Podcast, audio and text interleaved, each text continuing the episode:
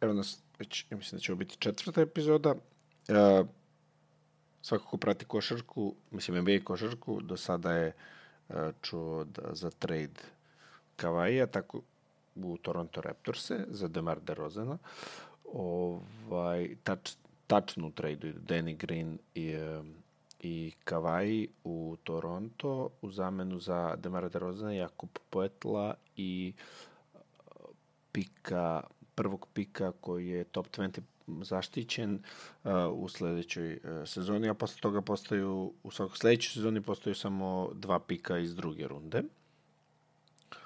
Ovaj, e sad da vidimo, i Greg Popović je izašao sa izjavom. Ja sam prvo u početku mislio da, zato što je uh, Kavaj rekao, a za to postoji dalje mogućnost da se drama nastavi, da se Kavaj ni ne pojavi na uh, medicinskim pregledima u Torontu, zato što jednostavno ne želi da igra za njih još i da će da sačeka to godinu dana da li kao član San Antonija ili kao uh, član Toronta, mislim da to njega ne zanima, ali isti je problem kao sa Durantom, najvjerojatnije ni on sam ne zna šta hoće, tako da mislim da će se pojaviti tamo. A čim izašao Greg Popović e, i, da kažemo, na neki način javno branio uh, kao je oko toga da se trudio dok je bio igrač da im pomogu da donesu titul i da jednostavno sad će da gleda u budućnost i da mora da se pozabavi sa novim igračima koji su članovi njegove ekipe.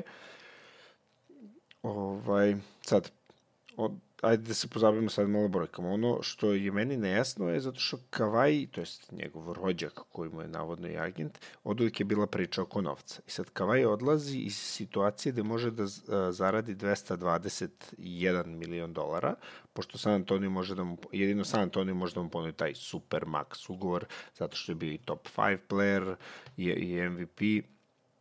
Ovaj, odlazi u situaciju gde Toronto sledeće, na kraju sledeće godine može da mu ponudi 190, a potencijalno ako želi, mislim sve su to ugovore na 5 godina, a potencijalno ako želi da ne ostane u Toronto i da mu neki treći klub, to je svi ostali timovi u tom trenutku, uključujući San Antonio, ponudi neki novac, onda će dobiti samo 140. E sad, kao je bio nezadovoljan time što u San Antonio nije predstavljao, kako bi, kako bi englezi ili amerikanci u tom slučaju rekli, marquee player, jednostavno nije imao dovoljno veliki brand, i onda kada se preseli ili, na, ili u New York, uh, na istok negde ili u Filadelfiju, um, mada više u Filadelfiju zbog situacije sa igračima, jednostavno ekipa je spremna da pobeđuje odmah. Uh, ili da ode opet u Lakers i pre nego što je LeBron odlaz, dolazi u Lakers pričalo se o Kavaju i Lakersima, ovaj, da bi podigao svoj brend. E sad, razlika je tolika između 140 i 220, e, znači to je nekih koliko, 60-80 miliona, teško da će da zaradi on od patika neki veći ugovor, jednostavno to se samo desilo, mislim da veću zaradu, dobro što ima Lebron doživotni ugovor i što ima James Harden, ja mislim da ima isto 200 miliona doživotni ugovor, tako nešto. Mislim, to je čuvena priča sa Hardenom kad je potpisao ugovor sa Adidasom, mislim, bukvalno su mu donali šleper patika u njegovu rezidenciju, tako da se izrazi. Uh, da se vratimo na... E sad, šta ovo znači za jedne i za druge? Znamo, Derozan je jako ljut, nije mu se uopšte dopalo što su ga izdali, on je bio tako zaštitni znak Toronto uz Kyla Laurija, ovaj, ali jednostavno nije im išlo. I Izgubili su prošle godine od Toronta i sad je, o, izgubili su od Clevelanda i Lebrona. Sad je malo nelogično zato što, zašto su se odlučili uopšte na ovaj potez, zato što jednostavno istok je sad bez Lebrona im je bio otvoren, jer su oni odradili ovaj odradili su bili su najbolji na istoku, odradili su taj prvi krug play-offa poprilično dobro protiv Washingtona i onda ih je LeBron jednostavno pomeo i doveli su se tehničke situacije da im je opet LeBron protivnik iako je otišao na zapad, jer ako LeBron krene da regrutuje, ili to jest Lakers u tom slučaju Kavaija, uh, opet može da nanese navijačima Toronta ili Toronto samom uh, bole. Sad, sve to može naravno da se promeni, jer GM generalni menadžer uh, Toronta je dosta ubedljiv čovek, a je, iako je recimo u top 5 gradova NBA gradova gde se nalazi neki NBA tim, ovaj, i dalje zbog vremena i velike hladnoće u Torontu slobodni agenti nikada ne odlaze jednostavno u Toronto i onda uh, mislim da je ovo kocka generalnog menadžera Masai u, u Giri, ne znam, u Iri, ne znam ni kako to se to tačno izgovara. Ja mislim da se izgovara u Iri. Ovaj, jednostavno, ko što su i Oklahoma uradila sa uh, Paul Georgeom, da ga imaju na godinu dana i jednostavno da ga svojom kulturom privole da ostane, što Oklahoma dosta dobro uradila, ali Oklahoma ima jedan veliki adut na svojoj strani, a to je Russell Westbrook. I klima je mnogo lepša i priča se da je čuveni reper Nas dosta u tome pomogao, toliko da Paul George nije nijednog trenutka ovaj odlučio razmišljao da se sastaje sa drugim timima, već je rešio to da ostane, ali u tome ćemo neki drugi put, pošto je isto i oko Paula je velika saga, bukvalno je snimio uh, dokumentarac u tri epizode o tome da li će ostati ili ne, da se malo podigne drama. Uh, no da se vratimo. I sad, ta ekipa, ukoliko Kavaj odluči da igra, bez obzira da će ostati ili ne, oni, iako je zdrav naravno, činjenica da je taj potez odlučen je zato što je Kavaj bolji i on to je to top 3 igrač i mnogo je bolji od DeRozana i ta ekipa postaje jako zanimljiva, favorit na istoku. Bez obzira što su Boston i Philadelphia jako dobre ekipe, jako kvalitetne ekipe, postaje favorit na istoku, zato što ja mislim da, da uće u Bostonu zdravlje biti problem, iako to je jako dobra ekipa. Ali postoji favorit da izađu iz istoka, što su bili prošle godine pa nisu uspeli. Ali jednostavno mislim da posle toga će oni da krenu sa rebuildingom jer nisu uspeli da osvoje titulu i to je to. I ovo je jedan, tako da kažem, polukorak ka tome. E sad, jako je dobro za Toronto što je uspeo da zadrži svoje e, mlade igrače. To su Pascal Siakam, Ođeno Nobi koji kako krenu sa tim nekim ponovnim izgradnjom, sa ponovnom izgradnjom ekipe ili rebuilding, kako bi to rekli amerikanci, ovaj, ostaje im dosta dobri mladi igrači plus relativno kvalitetan mlad playmaker u Fred Van Vliet, imaju Valenciunusa, znači nije to loša ekipa ni za, i za, trenu, za igranje na trenutni rezultat, a i za rebuilding ako dođe do toga. E, s druge strane imamo San Antonio, koji da se ne lažemo, od kad je, završ, od kad je Tim Duncan otišao, i to je moguće, od kad je Tim Duncan otišao, e, ništa nije uradio konkretno po dovođenju nekih kvalitetnijih igrača i to je isto moguće razlog zbog čega se ovaj, Kavaj malo, uh, Kavaju se ne ostaje u San Antoniju. Um, jer, evo sad i kad razmislite, povreda, Zaza Pačulija se podvuko ispod Kavaja posle jednog šuta, nas, gde je ovaj povredio zglob i eto, kako se vratim u taj moment pre godinu i po dana, ili dve, godinu i nešto, da, ovaj, kako jedna taka situacija promeni uh, celu stvar. On se povredio, posle toga su sledile povrede, jer San Antonio, koliko god je Golden State bio dobar, San Antonio ušao u tu uh, u, u, taj, u tu seriju, da kako kažem, sa idejom da će da pobede. Možda bi izgubili, možda ne bi, ali samopoznanje je jako bitan faktor, oni su ušli sa samopoznanjem da će da dobiju to. To me malo podsjeća na, tu, na onu čuvenu SFRI ekipu koja se spremala da pobedi Amerikance u finalu uh, Olimpijade 92. Znači, nisu igrali to, oni su se spremali da ih pobede. E, to mi deluje na tu situaciju. Ako je jasno da su protivnici bolji, ti ideš s namerom da ih pobeđaš. I to mi se uvijek dopadalo kod San Antonija nije bilo predaje. Što se moglo vidjeti čak i ove godine protiv Golden State-a nijednu utakmicu nisu obrisani, trudili su se do kraja, čak su uspeli da ih i pobede jednu, zahvaljujući fenomenalnoj partiji Manua. Ovaj, ali to je point. Od kad je otišao Tim Duncan, jednostavno ništa se nije desilo nikakav konkretan potez se to nije dodali su neki poluraspadnuti veterani, potpisan je jako čudan ugovor sa a, Pogasolom koji ima 38 godina i, i ništa se konkretno nije dešavalo i možda I sad kako je jednostavno era Grega Popovića se završava, umesto da kao normalno što se ekipe koje traduju svog igrača, uvek tradujete ili da se otarasite velike plate ili da dobijete neke pikove ili menjate tog jednostavnog igrača za neke mlade perspektivne igrače. Zato što nikad veoma redko ćete dobiti kvalitetnog igrača za kvalitetnog igrača, jednostavno niko to neće da radi. E, ali u ovoj situaciji, eto, San Antonio uspeo s obzirom, s obzirom na to šta se dešava, uspeo da izvuče DeRozena i Poetla, koji Poetl je recimo osmi, deveti, do, kvalitetan osmi ili deveti igrač u bilo kojoj ekipi. Uh, jedno krilni centar koji zna da šutne, zna da odbrani, brani obruč, može da skoči, jako inteligentan, jako je zahvalan. E sad, jedini problem sa DeRozanom jeste da je San Antonio dobio kvalitetnog igrača, ali um, njegova igra se razlikuje od sistema koji San Antonio praktikuje i u odbrani i u napadu.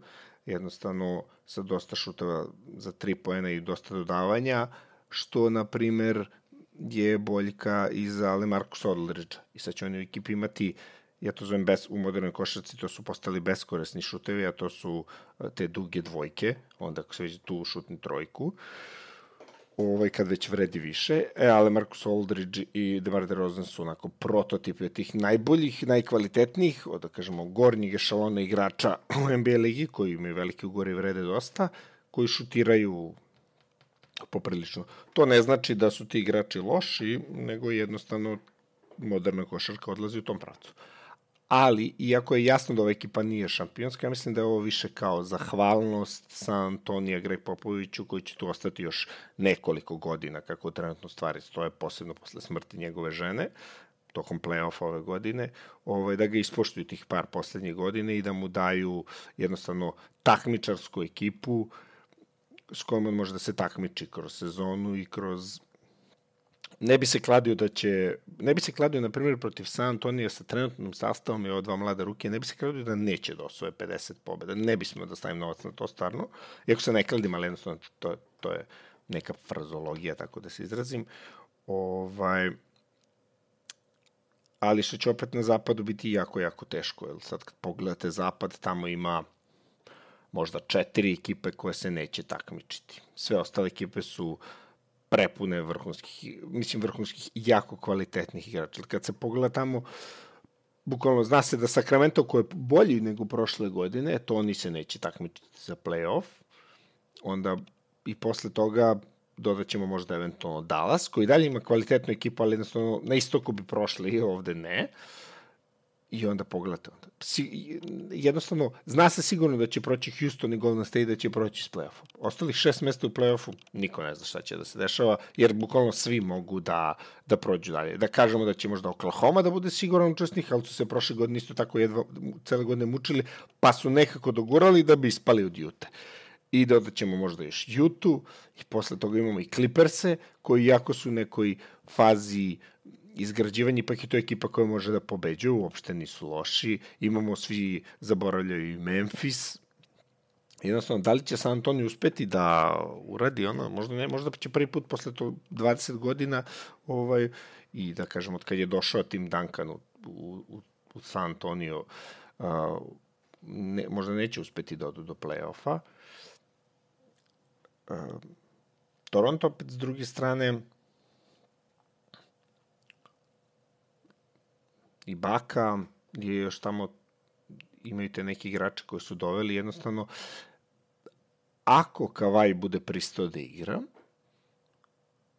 biće jako zanimljivo. I možda se desi Paul George situacija da ga oni privole da ostane i on produži, ne verujem na, nam taj maksimalni ugovor, na nekoliko godina i onda probaju da naprave nešto. Ako ne uspeju, jednostavno ako ispadnu odmah, oni će da rasture celu ekipu, sve će da menjaju za te neke mlade igrače. Uh, na istoku to nije problem. Istok je, opet s druge strane, kad već gledamo istok-zapad, istok je jako loš.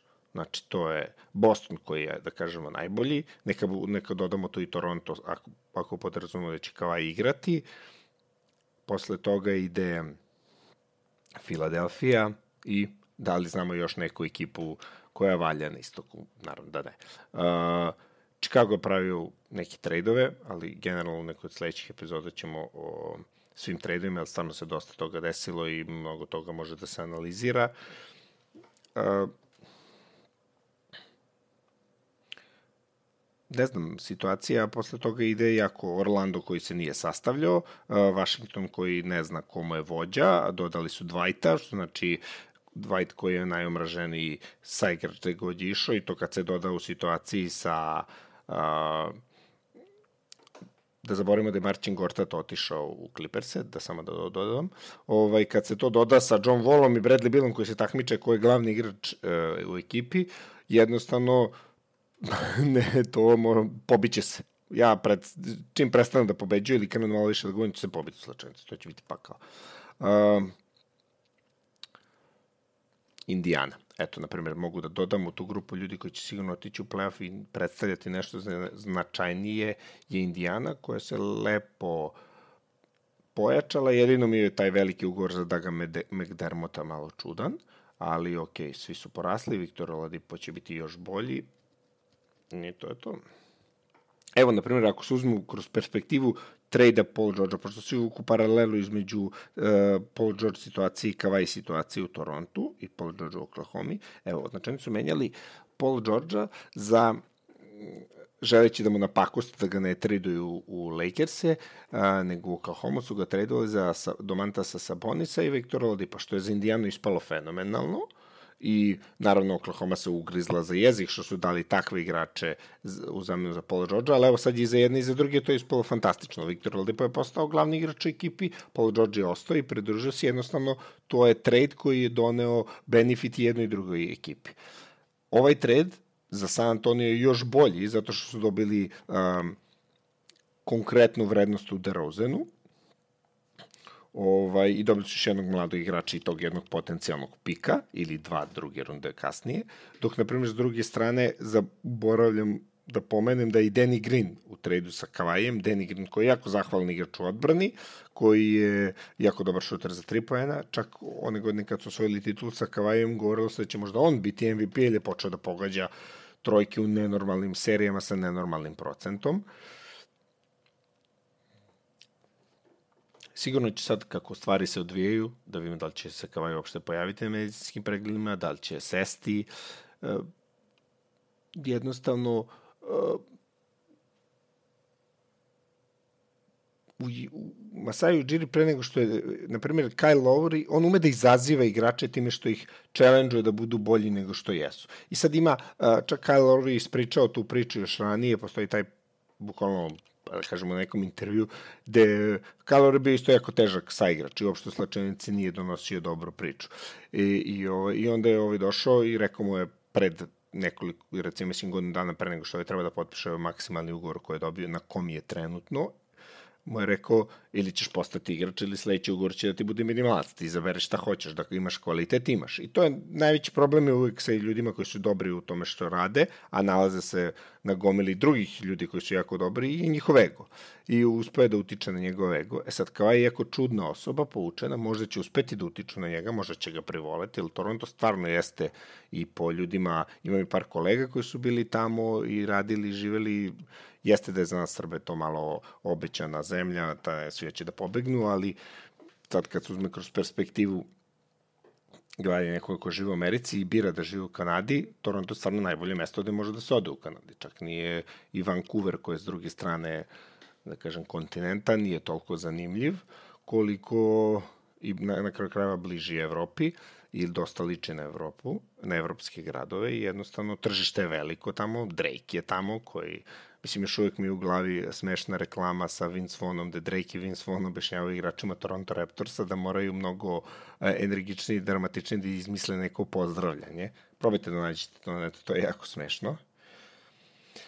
Ovaj, treba da eto koliko DeRozan i Lauri su tamo od 2012. I DeRozan, da, opet ću da ponovim, je jako, jako razočaran. Jednostavno govori kako se provlači sada kroz, kroz kroz ligu. Jednostavno, osjećaj da igrači upravljaju više ligom nego što timovi upravljaju ligom. Ali, evo, došli smo uh, do situacije da ipak i timovi u nekim situacijama imaju više kontrole. I ovde je jednostavno došlo do momenta da su procenili da im se rizik više isplati i na kraju krajeva mogu igrači da se ljute, ali za u odnosu na ostale ljude na svetu koji žive zarađuju nenormalan novac po 20, 30, 15 miliona dolara o kome da, da sad skupimo 2000 ljudi na ulici neće zaraditi za ceo život toliki novac, ali ni toliko zaradi za dana, tako da ta neka doza jeste naporno je seliti se, jeste da su karijere profesionalnih sportista kraće i mnogo stresnije, ali ovaj benefit koji dobiju u odnosu na prosječnog čovjeka je mnogo veći, onda mi taj malo...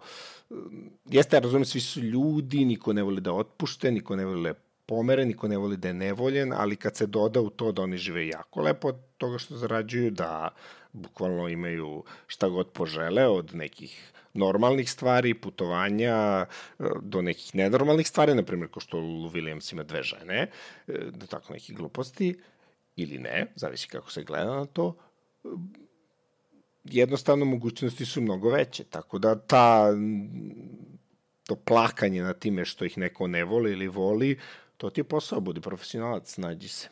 A, ništa, to je to ljudi za ovu epizodu, eto malo isto ćemo da, da bude kraće, pa ćemo sledećim epizodama ću da probam da e, ispričam neke kao tako zanimljive priče koje nađem, evo sad ću jednu da ubacim, nisam ni znao, ako su stari, stari, oni koji prate košarku malo više znaju ko je Isi Green, koji igra za Lakers, Showtime Lakers 80-ih i postoji podatak koji on priznao, znači to je istina, da je za vreme Showtime Lakersa, sad u Showtime Lakersima su igrali a, Vorti, šef im je bio, a, Bas im je bio generalni menadžer, a, Karim, onda je još igrao i naravno Magic, ne zna se koja je bio veća šalerčina, ovaj, on je uspio da bude nevin. Znači, NBA igrač sa puno para do 25. 6. godine je bio nevin u ekipi gde su svi uh, veoma niskog morala. Na kraju krajeva Magic je dobio sidu zbog toga. Eto, to je neki zanimljiv podatak.